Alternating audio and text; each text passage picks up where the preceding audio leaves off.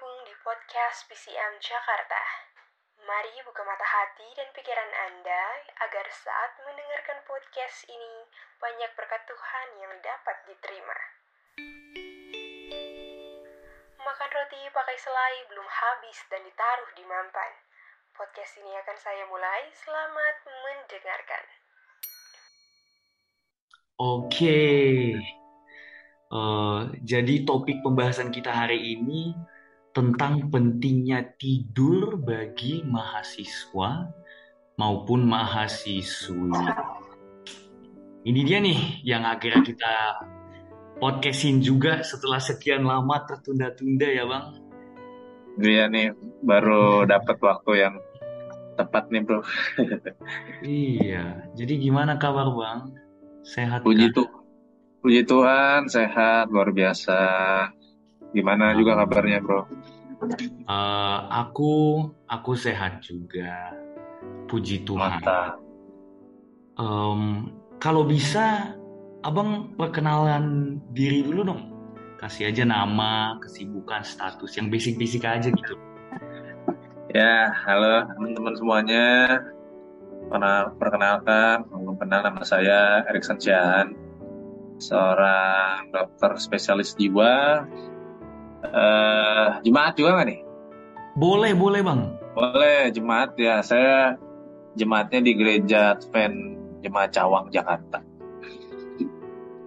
Oke. Jadi abang eh, kedokteran spesialis apa apa nih? Kejiwaan ya? Eh, iya, spesialis kejiwaan atau nama lainnya eh, psikiater. Psikiater. Wow. Kalau boleh tahu abang dulu sekolah di mana bang? Pas ngambil kedokteran? Pas kedokterannya dulu saya S1-nya dokter umum dari UI ya, Universitas Indonesia. Terus pas eh, ambil spesialisnya sama juga dari UI juga. Di UI ya, wow. Kalau di UI itu pasti, apalagi kedokteran nih ya. Tapi kayaknya kedokteran di mana-mana sama deh em, beratnya, sama-sama banyak tugas. Jadi gimana nih dari abang sendiri waktu ngambil kedokteran banyak nggak tugasnya bang? Ya satu kata yang mewakili sebenarnya sih banyak banget sih.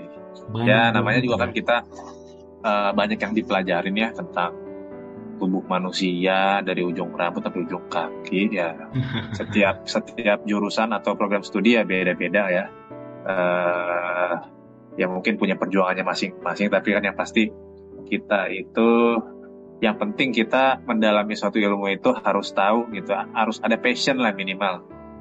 Supaya kita bisa menikmati perjalanannya karena kan perjalanannya perlu waktu lama ya. Gue gue dan teman-teman iya. semuanya. Ya itu dia kan jadi kita harus tahu dulu passion kita di mana baru kita mulai untuk uh, mencapai hal itu. Wow, berarti memang dari dari awal ya, abang ini eh, pengen menjadi seorang dokter. Ya sebenarnya sih pas masih SMP menjelang SMA tuh masih agak mendua juga sih sempat terpikir juga pengen ambil ekonomi ya jadi jadi ekonom kayaknya enak juga nih kerja di kantor apa ngitung-ngitung duit duit orang ya gitu. Iya. ya itu sempat terpikir sih cuman ya sering berjalan waktu ya saya melihat bahwa ya profesi tenaga kesehatan khususnya dokter ini kayaknya cukup cukup cocok juga dengan diri saya eh, setelah itu juga saya ngelihat juga ibu saya kebetulan ibu saya dokter juga nih Gogo Oh. jadi ya seenggaknya kan saya bisa ngelihat ya kehidupan profesi ibu saya ini seperti apa suka datang ke rumah sakit juga eh, saya jemput ibu gitu Oh. pas pulang kerja jadi setidak-tidaknya sih jadi tahu lah gambarannya profesi dokter itu seperti apa jam kerjanya apa aja sih yang dihadapi seperti itu Nah, jam kerja. Tapi sebelum kita eh, berbicara tentang dunia kerja dan sleep cycle-nya di dunia kerja, aku mau tanya nih tentang ketika eh, abang masih berkuliah. Kan tadi abang bilangnya banyak tugas tuh, ya kan? iya iya. Ketika abang uh, punya banyak tugas ini, um, apakah worth it mengorbankan waktu tidur abang demi tugas-tugas tersebut, demi pendidikan? Ya, jadi uh, kita nih sebagai mahasiswa kan udah akrab ya, yang namanya dengan tugas-tugas itu udah uh, sudah sangat akrab. Justru itu sebenarnya pekerjaan utama kita ya sebagai mahasiswa ya. Selain untuk mendapatkan ilmu ya kita kan harus mengerjakan tugas sebagai syarat ya. Syarat iya. kita dinilai kita berkompeten gitu loh di dalam bidang yang kita geluti apa pun itu. Nah, karena permasalahannya memang uh, ada beban tugas, tapi apakah apakah beban itu bisa diselesaikan dengan baik apa enggak? Udah pasti tuh seenggak-enggaknya pasti akan ada yang namanya uh, lembur itu bukannya bukannya dilarang sih ya. Sebenarnya boleh-boleh aja. Kalau itu hanya sesekali ya namanya juga kan ada hal-hal yang kita tidak dapat prediksi. Misalnya dapat tugas yang langsung besoknya harus dikumpul. Ya mau nggak mau kan kita perlu perlu kerjakan secepatnya dan mungkin juga itu bisa mengambil waktu tidur kita tuh ya iya. tengah malam. Nah, kalau memang hal-hal seperti itu ada hal-hal yang tidak bisa kita hindari, ya apa mau dikata. Tapi jangan sampai hal tersebut menjadi habit juga ya, meskipun tugasnya masih jauh-jauh hari, sebulan lagi hmm. atau berapa minggu lagi, kita perlu yang namanya manajemen waktu dengan baik. Betul. Ya, manajemen waktu itu kita harus bisa menentukan mana yang prioritas, mana yang enggak. Ya, mungkin kesannya klise tapi memang uh, seperti itulah bagaimana kita bisa akhirnya jangan sampai terus-terusan lembur, terus-terusan begadang uh, seperti itu ya karena ada yang namanya metode cicilan gitu loh, nyicil tugas. Ya, semua yang bisa dicicil itu lebih baik uh, dicicil ya. Jangan sampai nanti sistem kebut semalam apalagi kalau ada ujian seperti, uh, seperti itu kan. jadinya kita iya. kita jadinya uh, belajarnya cuman dikebut sehari dua hari sampai korbanin uh, waktu tidur. Akhirnya kan bisa jadi pada saat ujian kita nggak bisa konsentrasi dengan baik ya. Tapi kalau ada hal-hal yang tidak bisa dihindari ya apa mau dikata. Yang penting jangan sampai terus menerus ya. Cukuplah sesekali aja ya. Oh jadi bener sih kita harus bisa memanage uh, memanage waktu kita uh, dengan baik. Kalau sekarang nih, abang udah kerja, bagaimana tuh manajemen waktu, bang? Coba ya. testimoninya dulu. Kalau sekarang sih ya puji Tuhan di dunia kerja itu pastinya berbeda ya dengan dunia mahasiswa. Kalau dunia kerja itu kan kita bisa lebih leluasa gitu ya mengatur jam kerja kita. Apalagi kalau saya kan sebagai dokter spesialis tuh uh, bisa tuh uh, bargaining dengan tempat kerja oh saya mau prakteknya jam segini apa jam segini. Oh. ya seperti itu. Ya itu beda dengan ketika mahasiswa. Kalau mahasiswa kan kita harus ikutin jadwal ya.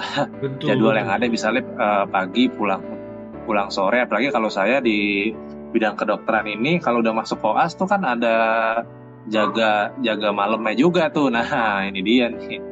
Hal-hal yang tidak bisa uh, kita hindari. Kan tadi saya bilang kalau hal-hal yang tidak bisa kita hindari ya apa mau dikata? Yang pasti harus ada kompensasinya tuh. Misalnya ketika saya koas saya kan harus jaga malam. Ya kalau jaga malam udah pasti kan mengorbankan waktu tidur ya. Iya. Bisa-bisa eh, nggak uh, tidur malah. Saya pernah beberapa kali tuh. Habis habis tasa tuh namanya ya eh, belajar pagi sampai siang di kampus terus uh, sore sampai besok paginya jaga di rumah sakit tuh sempat nggak tidur. Nah ya itu hal-hal yang tidak bisa kita hindari. Yang pasti kita perlu jaga stamina juga tuh dengan baik ya. Seperti ya makan makanan yang yang bernutrisi terus juga manajemen waktu dengan baik supaya kalau kita udah cicil tidur tuh di uh, cicil belajar ya maksudnya cicil ngerjain tugas ada tuh nanti hari-hari selanjutnya kita bisa bayar tidur kita yang yang utang itu, itu ya? iya yang yang udah hilang itu kita bisa tuh namanya bayar utang ya utang tidur. Oh jadi tidur itu ada bisa dibayar begitu ya ada sistem utang ada ada sistem utang piutangnya gitu ya bang? Iya tapi iya tapi jangan jangan terus-terusan juga dan ketika kita kurang tidur sangat diusahakan itu harus bayar sebenarnya ya. Misalnya kita cuma tidur tiga jam, kan masih kurang tuh. Biasanya kan normalnya ya kalau seusia teman-teman mahasiswa atau kita yang masih usia produktif ya 18 sampai 40 tahun biasanya kebutuhan tidurnya kan 7 sampai 8 jam. Iya. Nah, kalau kita cuma tiga jam doang tidur ya 5 jam sisanya tuh harusnya dibales, dibayar Oh, di hari gitu. iya di hari selanjutnya. Jadi dan itu akan membuat tubuh kita kembali lagi kepada energi semula gitu ya. Iya, karena kita perlu tahu juga nih teman-teman semuanya bahwa tidur itu eh, sangat vital ya, itu kebutuhan yang sangat vital sekali buat setiap manusia ya, dari dia baru lahir sampai udah lansia itu itu eh, penting banget karena kenapa? Banyak tuh fungsi-fungsi yang dijalankan ketika kita tidur dengan baik. Yang pertama itu bisa merecharge energi kita tuh, ya Hmm. merecharge energi kita bukan bukan hanya karena kita capek tapi ketika kita tidur eh, banyak tuh zat-zat toksin yang ber- eh, racun-racun yang masih ada dalam tubuh itu berusaha dinetralisir oleh sistem organ kita ya itu pada saat kita tidur tuh ya dan juga proses konsolidasi memori ya namanya proses pembelajaran tuh kalau kita kan mahasiswa tuh belajar kan ya tugasnya kan ya Iya. Nah, pada saat kita belajar, kita udah fokus tuh ya seharian kita belajar ngerjain tugas. Nah, pada saat kita tidur, proses tidur itu juga membantu untuk mengkonsolidasikan memori kita. Ya, jadi memori-memori yang dipelajarin itu akhirnya bisa nyerap gitu ya, masuk ke dalam ingatan kita, akhirnya kita bisa paham apa yang dipelajarin. Nah, itu terjadi ketika kita tidur. Jadi sebe- sebegitu pentingnya ya eh, kualitas tidur yang baik itu diperlukan, apalagi bagi teman-teman eh, mahasiswa. Oh. Ya. Wah, bagus banget tuh tadi. Aku jadi eh, kita semua di sini ya yang mendengarkan jadi eh, mengerti gitu loh apa dampak positif daripada eh, tidur ini. Kalau boleh tahu nih bang, sekarang nih ya, Hmm. kira-kira efek negatifnya begadang terhadap kesehatan mental kita, kesehatan eh, jasmani kita, fisik kita itu apa ya? Iya, jadi ada efeknya tuh efek jangka pendek sama efek jangka panjang, bro. Ya, kalau efek jangka pendek ya mungkin yang akan kelihatan cep- eh, cepat terjadi ya, ya contohnya kita pasti akan akan sulit konsentrasi ya kalau kita kurang tidur begadang kan esok harinya pasti kan kita rasa-rasa ngantuk, rasa sulit konsentrasi ya dan juga bisa mudah emosian gitu kan. Sering nggak ngerasa Iya. kalau kita kurang tidur tuh orang ngomong apa aja kita jadi lebih sensi baper Betul, gitu kan. betul. ya kan mudah marah. Padahal tuh orang lain ngomongnya biasa aja sebenarnya cuman ya itu karena kita kurang tidur emosi kita jadi mood kita jadi nggak stabil. Oh, Itu gitu. kalau- ya. Eh, efek jangka eh, pendek tadi ya menurunkan konsentrasi juga. Nah yang bahaya ini sebenarnya efek jangka panjangnya. Ya Apa tuh? efek efek jangka panjangnya ini eh, banyak. Jadi menurunkan sistem kekebalan tubuh kita ya. Jadi orang yang eh, sering begadang itu bisa lebih mudah sakit tuh ya terserang penyakit apa pun itu ya. Eh, seperti itu. Terus juga bisa eh, meningkatkan kadar hormon stres yang ada dalam tubuh ya. Jadi tensinya jadi lebih mudah naik ya detak jantung Oh. jadi nggak eh, nggak stabil. Ketika itu terjadi eh, terus menerus gitu ya. Jadi penting banget tuh tidur itu oh, gunanya bagi fisik kita mental kita juga tadi ya menjaga menjaga mood kita lebih stabil, stabil ya kalau kita tidur cukup kan biasanya kan kita eh, rasanya kan seger ya kalau Iya. kita bisa cukup tidur nah pada saat bangun pagi kita ngerasa oh lebih fresh siap menjalani hari ya lebih berpikir eh, positif ketika kita mencapai kualitas dan juga kuantitas tidur jadi yang perlu itu sebenarnya bukan hanya jumlah jamnya doang ya bro ya dan teman-teman Iya, bukan Bang. hanya bukan hanya jumlah jamnya doang tapi juga kualitasnya juga. Seberapa eh, kita bisa sampai tidur dalam ya. Oh, gitu seperti ya. itu. Bukan tidur tidur yang hanya tidur tidur apa ya tidur tidur Ayam, ayam gitu. Iya Hmm. yang yang ke ke distract sedikit ada suara-suara kebangun gitu. Nah mungkin itu lebih advance lagi tapi yang pasti perlu banget tuh kita mencapai yang namanya kualitas tidur yang baik sampai tidur dalam gitu ya. Tidur dalam. Hmm. Emang emang bedanya apa tuh? Maksudnya kayak Iya, bukannya tidur itu cuman aku ya, aku kan anak hukum ya. Jadi hmm, ya yang namanya tutup mata dan tidak sadarkan diri itu cuman ada dua ke, apa kemungkinan ya antara kita mati dan kita tidur gitu.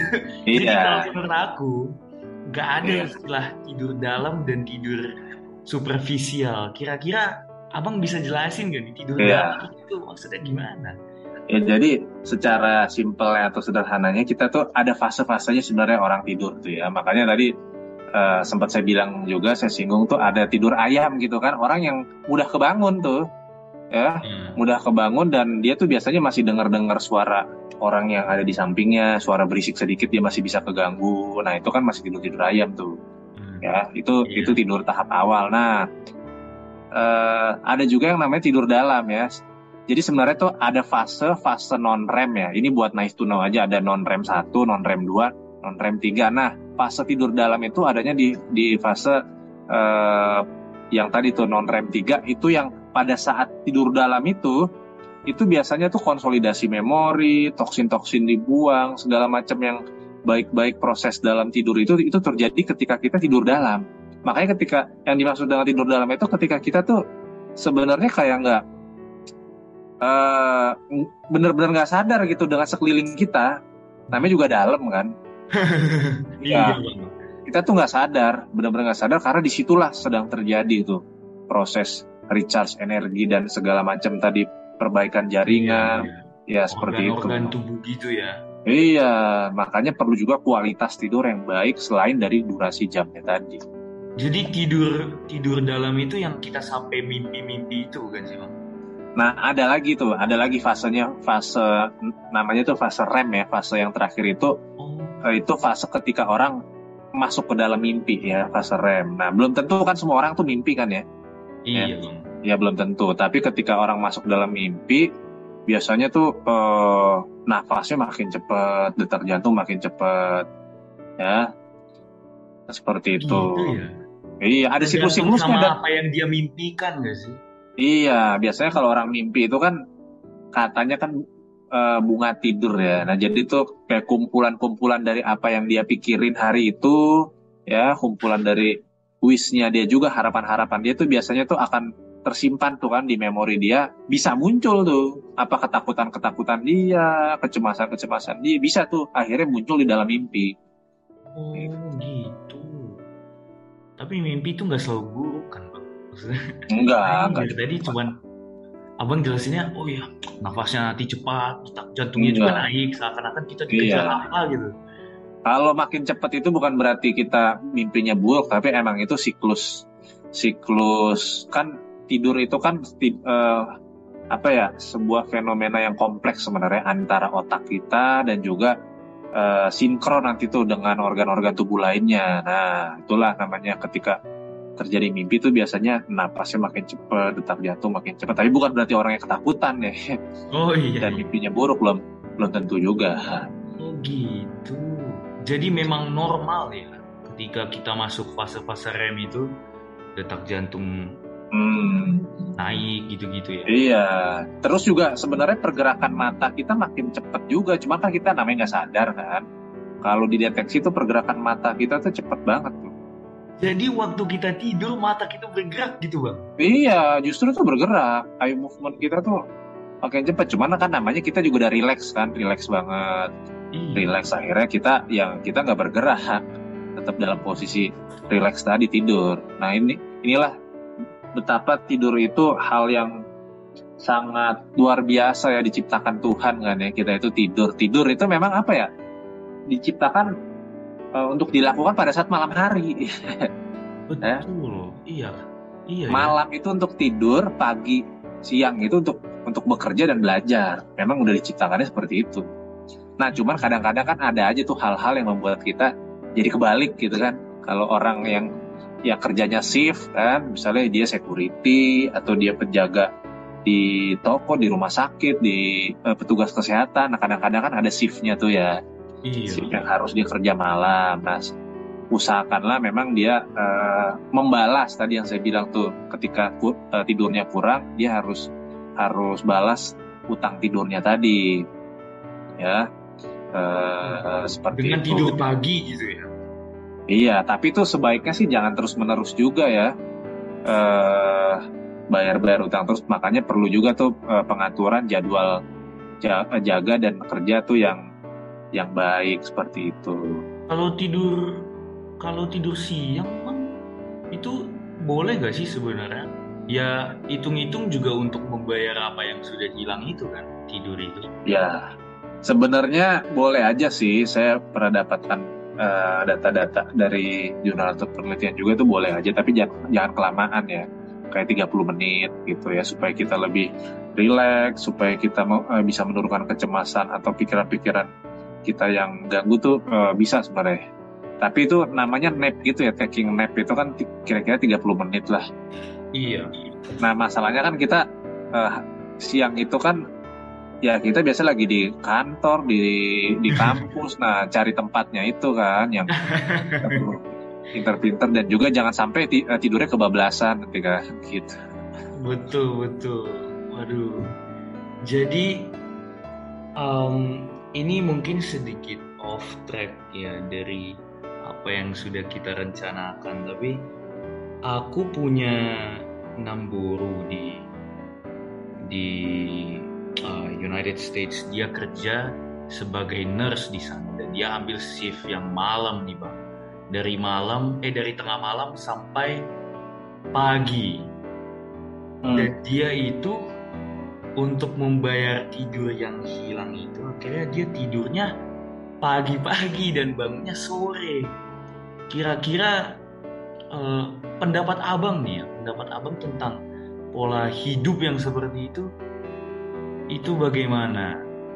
Kita tahu yeah. ini iya. kurang bagus, tapi mungkin abang bisa dive deeper ke uh, apa dampak-dampaknya. Apakah ada dampak-dampak yang lebih jelek daripada cuman sekedar ya begadang 2-3 jam di tengah malam untuk mengerjakan tugas? Iya, jadi memang kan ada pekerjaan-pekerjaan yang tidak dapat dihindari ya Oh iya, kembali lagi ke yang tadi ya. Iya, kayak menjaga pasien, kerja di malam hari. Memang itu tidak dapat dihindari, tapi sebaiknya memang harus diimbangi ya, jangan terus-menerus kerjanya malam, misalnya sebulan, dua bulan kerjanya malam terus. Jadi itu perlunya uh, pengaturan yang baik tuh dengan para pembuat jadwalnya ya, jadwal jadwal oh, iya. kerjanya. Iya, kan tuh biasanya tuh harus berurusan dengan pimpinan juga ya atau ya, benar, benar. ya kepala regunya seperti itu karena ini saya ingin sampaikan juga bahwa pada saat malam hari ya uh, hormon melatonin tuh yang membantu kita uh, untuk tidur ya oh iya benar-benar itu, aku itu, pernah dengar nih iya itu dihasilkan pada saat malam hari dan biasanya pada saat uh, kondisi uh, gelap ya makanya kan disarankan tidur itu kan uh, gelap lah ya jangan yang lampu terang benderang karena pada saat gelap dan malam hari itu ya itu di, dihasilkan hormon melatonin itu. Iya ya ada melatonin sama serotonin ya kalau nggak salah ya. Serotonin ya itu untuk membantu mood gitu. Membantu mood. Mood kita. Iya. Keren juga nih ya. Memang um, kalau begitu bang, tadi kita sempat menyinggung tentang uh, bagaimana Tuhan telah menciptakan malam dan pagi. Malam itu untuk tidur, sementara uh, ketika matahari bersinar, itulah saatnya kita beraktivitas ya kan bang?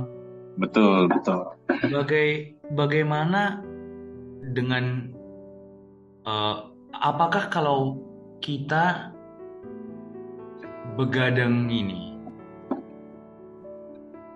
Sorry sorry, mungkin aku harus refresh questionnya nih. Agak kurang jelas di otak sebentar ya. Gimana gimana? Santai aja dirangkai aja dulu dirangkai. iya iya. Ada nggak sih kaitannya kurang tidur dengan memuji dan memuliakan nama Tuhan? Apakah kita akan bisa memuliakan nama Tuhan nih dengan maksimal ketika kita begadang, ketika kita set, atau setelah kita begadang dan sebagainya. Gimana iya. pendapat abang? Ya jadi kan e, ketika kita begadang kurang tidur, udah pasti kan kita tenaga kita kan kurang ya. Kita juga jadi lebih mudah uh, uring-uringan, uh, sulit untuk konsentrasi. Ya. Yang pasti itu akan mempengaruhi apa yang sedang kita kerjakan kan.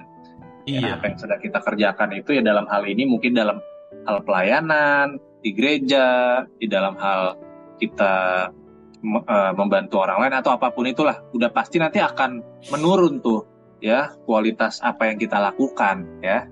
Mungkin nggak secara langsung uh, juga tuh, tapi kalau terus menerus begadang kurang tidur, udah pasti tuh akan ada dampaknya. Ya, dan itu udah pasti juga bisa mempengaruhi uh, pelayanan kita, ya. Jadi, bagaimana inter interaksi kita dengan orang lain di gereja, di dalam hal pelayanan seperti itu. Oh, jadi nggak cuman ke pekerjaan ataupun perkuliahan ya, tetapi efeknya juga sampai ke pelayanan. Ya, Bisa, bisa, bisa juga tuh ketika hal tersebut sering sering ya? dia dilakukan. Kayak, kayak saya nih misalnya, saya pernah tuh pas saya kuliah beberapa kali kan saya Jumat malam tuh dapat dapat jadwal oh, jaga ya. kan ya malam sabat gitu kan nah selesai jaga, selesai jaga saya ke, ke gereja besoknya kan di gereja saya tidur Aduh, udah nggak tahan udah Bukannya Gimana? di malam sabat itu kita nggak boleh bekerja ya bang? Ini menjaga ini masuk bekerja nggak bang? Nah ini dia nih, ini, ini perlu pembahasan lebih mendalam lagi nih. perlu. ini kayak topiknya ada lagi nih kayak topik. Oh beda topik, topik kali ya. Iya. Tapi yang pasti karena karena dampaknya tadi itu loh kurang tidur tadi akhirnya membuat pada saat uh, masuk gereja gitu ya ibadah tidur akhirnya udah udah berusaha banget tuh matanya untuk bisa fokus gitu ya. Tapi tidur ya namanya kita manusia kan uh, punya keterbatasan akhirnya tidur dan nggak konsentrasi. Hmm. seperti itu sih. Contoh pengalaman ya bagaimana kurang tidur itu bisa mempengaruhi apa yang sedang kita lakukan. Akhirnya tidur ya waktu ibadah. Iya memang itu solusinya sih kalau kurang tidur. Ya tidur lagi gitu loh. Eh, iya. sampai tidur.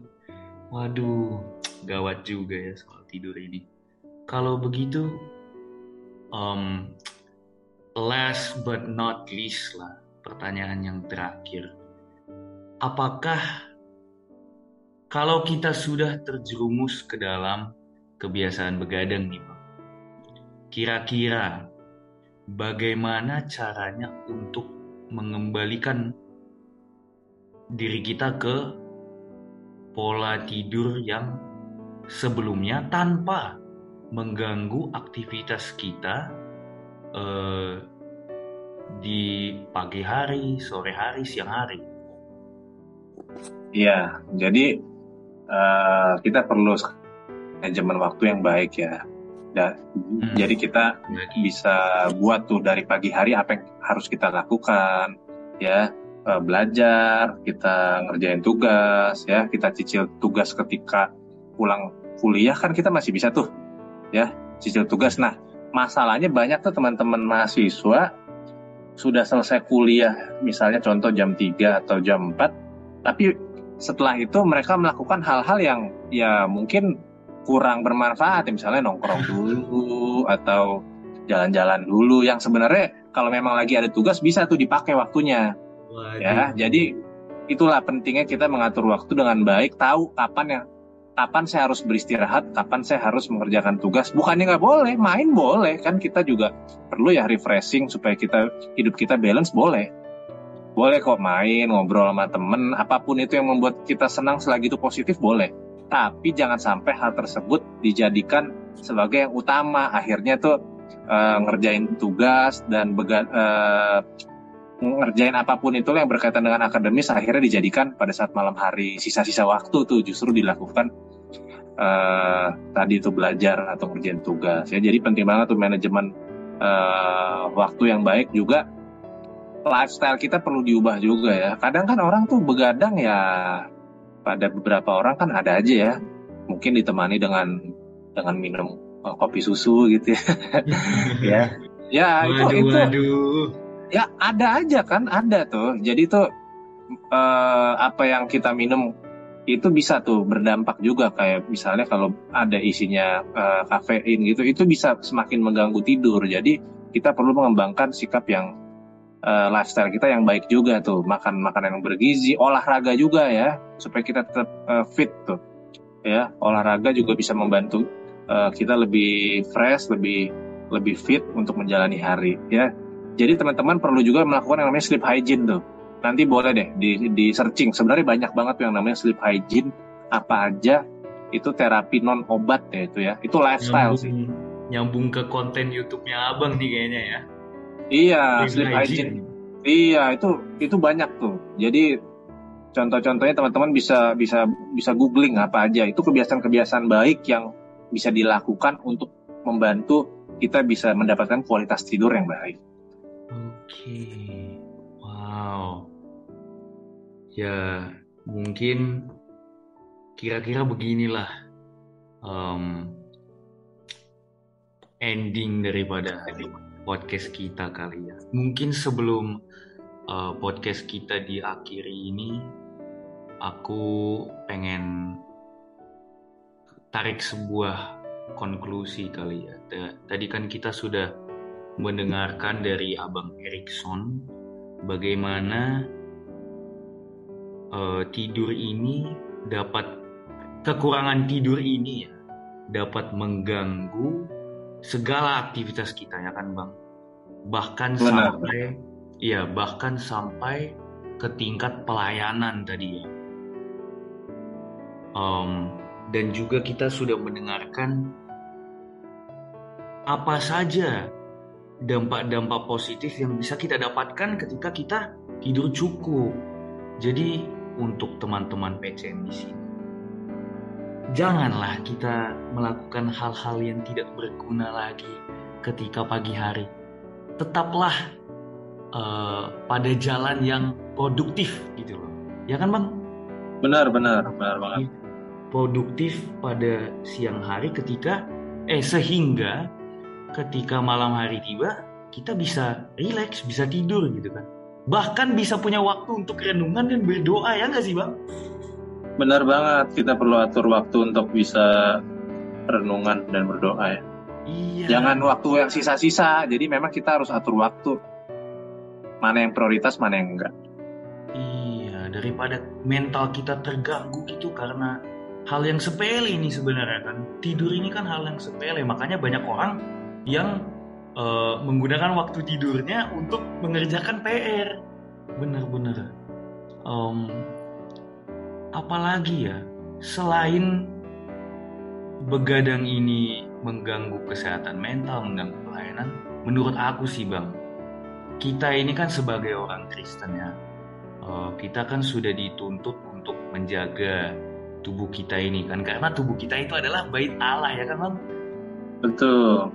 Iya, jadi teman-teman ketika kita tidak menjaga tubuh kita dengan baik, itu kita sudah uh, ibaratnya sudah melakukan hal yang salah di mata Tuhan ya kan jadi begitulah konklusi yang saya dapat sampaikan bagaimana dari Abang Erikson nah, mungkin ada ada tambahan kali ya Iya, tadi udah dirangkum kok tuh dengan sangat baik. yang pasti, ya.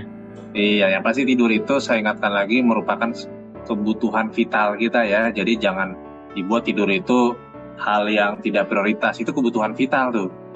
Ya jangan dijadikan juga tidur itu hobi. Bukan bukan hobi ya. Ada yang bilang kan tidur itu hobi gue itu. Enggak ya. Tidur itu kebutuhan. Itu kebutuhan. Jadi kalau kita ngerasa itu kebutuhan ya sama aja kayak makan dan minum kan kebutuhan ya.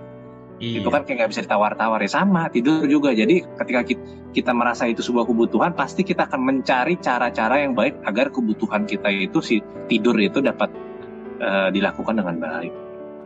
Betul. Jadi tidur pun sama kayak makan ya bang, nggak boleh kebanyakan ya.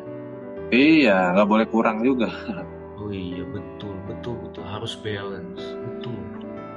Wow, oke lah bang. Kalau begitu, sepertinya kita sudah hilang podcast ini. Oke, semoga bermanfaat ya. Iya, terima kasih ya bang. Oke, sama-sama. Tuhan berkati. Salam sehat teman-teman semuanya. Iya.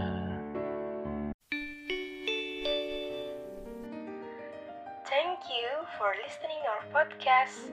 See you in the next podcast. And don't forget to follow our Instagram, YouTube, Facebook, and our Spotify. PCM Jakarta, follow Jesus embrace his missions and chains to work.